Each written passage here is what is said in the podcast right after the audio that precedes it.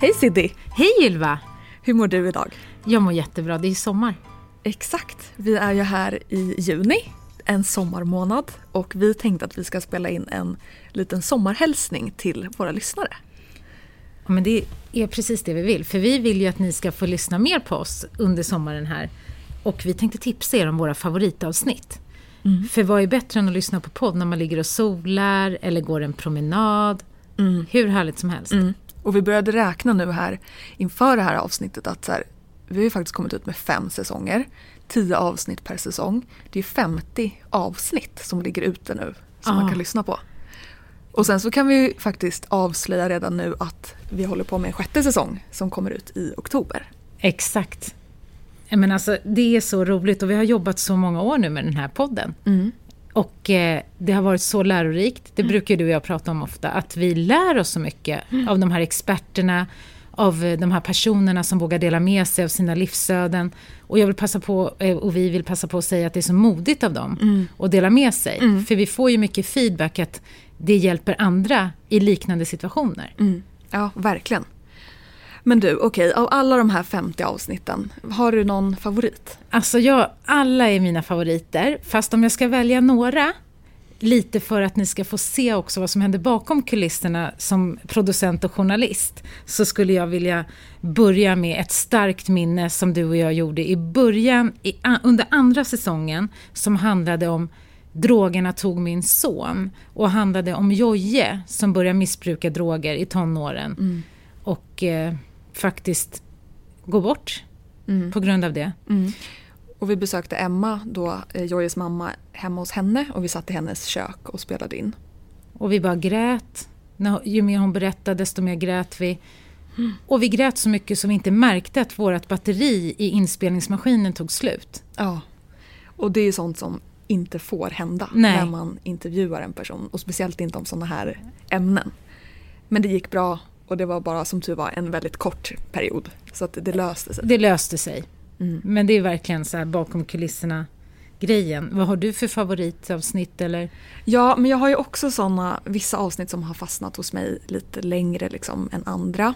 Och jag tänker på eh, det här avsnittet från, eh, från, från vår allra första säsong. Vår säsong 1 avsnitt 8 om Tjernobyl och hur det var att jobba vid Tjernobyls kärnkraftverk då när den här olyckan skedde.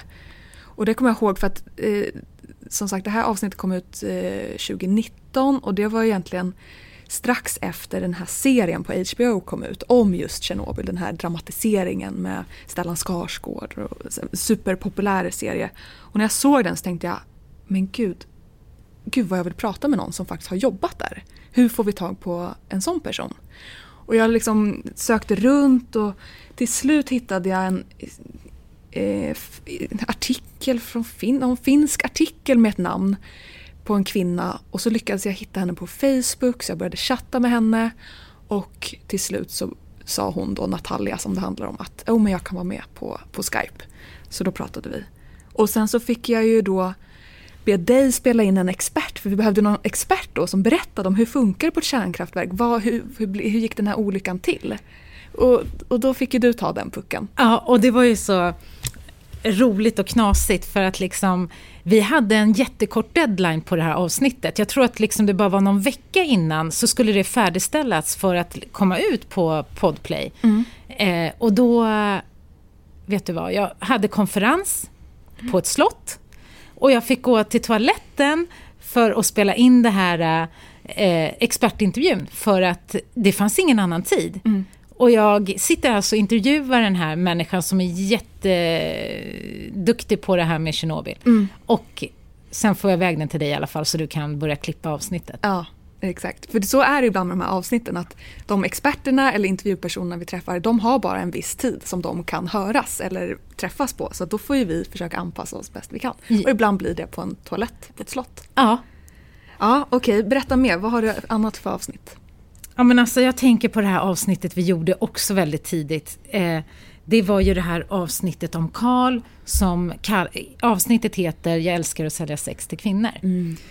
Och hur fick vi tag Ylva på den personen? För hur hittar man en person? Vi gjorde lite research. Vi tänkte så här, vad hur många tjejer köper sex? För det finns ingen statistik. Vi, mm. vi kollade ju, och det finns ingenting om det. Mm. Och hur, men vi hade hört talas om att det finns. Mm. Ja, så till slut så fick ju vi börja söka runt på eskortfirmor på nätet helt enkelt och försöka kontakta folk där.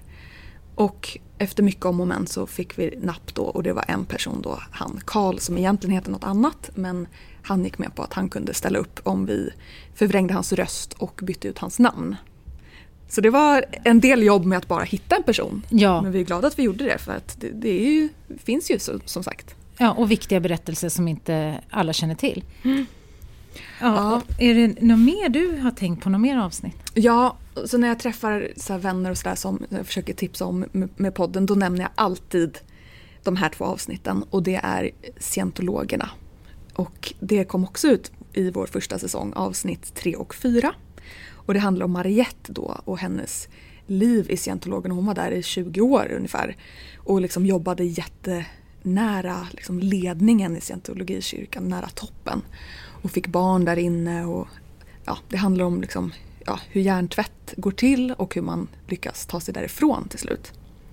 Och henne träffades, vi, vi träffade henne i Stockholm. Hon var på besök, för hon bor inte i Stockholm, men hon var här uppe och bodde på något hotell och vi fick träffa henne där på hennes hotellrum. En sommardag och vi satt med fönstren öppna för det var så varmt. Och det var väl inget mer med det men jag kommer ihåg just den här kontrasten med skräcken från hennes berättelse om scientologikyrkan och så tittade man ut och så var det ja, en vacker sommardag, man satt på ett lyxigt hotellrum. Liksom. Ja. Så det rekommenderar jag verkligen. Ja, det var verkligen starkt. Mm. Har du något mer? Ja, men det finns ett avsnitt som har berört mig väldigt mycket och det är från säsong fyra och det heter Flickan i hönsgården. Mm. Och det handlar ju om en tjej som blir adopterad till Sverige. Men i hennes hemland mm. så får man veta hur fruktansvärt hon hade det innan hon blev bortadopterad till Sverige. Och då var, var hon bland annat, liksom, jag tror inte hon var adopterad där, men hon blev som fosterbarn hos en kvinna som var psykologidoktor, heter det. Och där hon blev grovt torterad. Mm. Alltså hon satte eld på hennes hals. Mm. Och jag minns verkligen när jag sitter och intervjuar henne så blir det ju så eh, känsloladdad stämning när hon berättar just om det. Och vi, den heter ju Flickan i hönsgården också för att hon fick ju, hon gick ju hon fick ju inte bo inne till slut hos den här psykologidoktorn utan hon fick bo utomhus och då flyttade hon själv in med hönsen i hönsgården. För ja. det, var, det blev hennes vänner. Liksom. Mm. Alltså det är en stark berättelse. Mm. Eh, så det är jättemånga bra och viktiga historier som vi har fått ta del av genom åren och vi vill verkligen återigen tacka alla ni som vi har fått träffa och intervjua och att ni har delat med er. Um, ehm, och sen till er andra, har ni någon historia som ni vill dela med er av så kan ni alltid kontakta oss och eh, då mejla till kunskapsstudion gmail.com. Och eh, som sagt, 50 avsnitt finns ute redan nu. De kan man lyssna på helt gratis på Podplay eller Podplay-appen. Exakt. Och vi hörs ju igen den 22 oktober. Då kommer ju säsong 6. Så härligt. Och så vill vi verkligen tacka alla er som lyssnar. Utan mm. er blir det ingen podd. Precis. Så fortsätt gärna med det och dela gärna podden också till andra. Ja, så glad sommar. Glad sommar.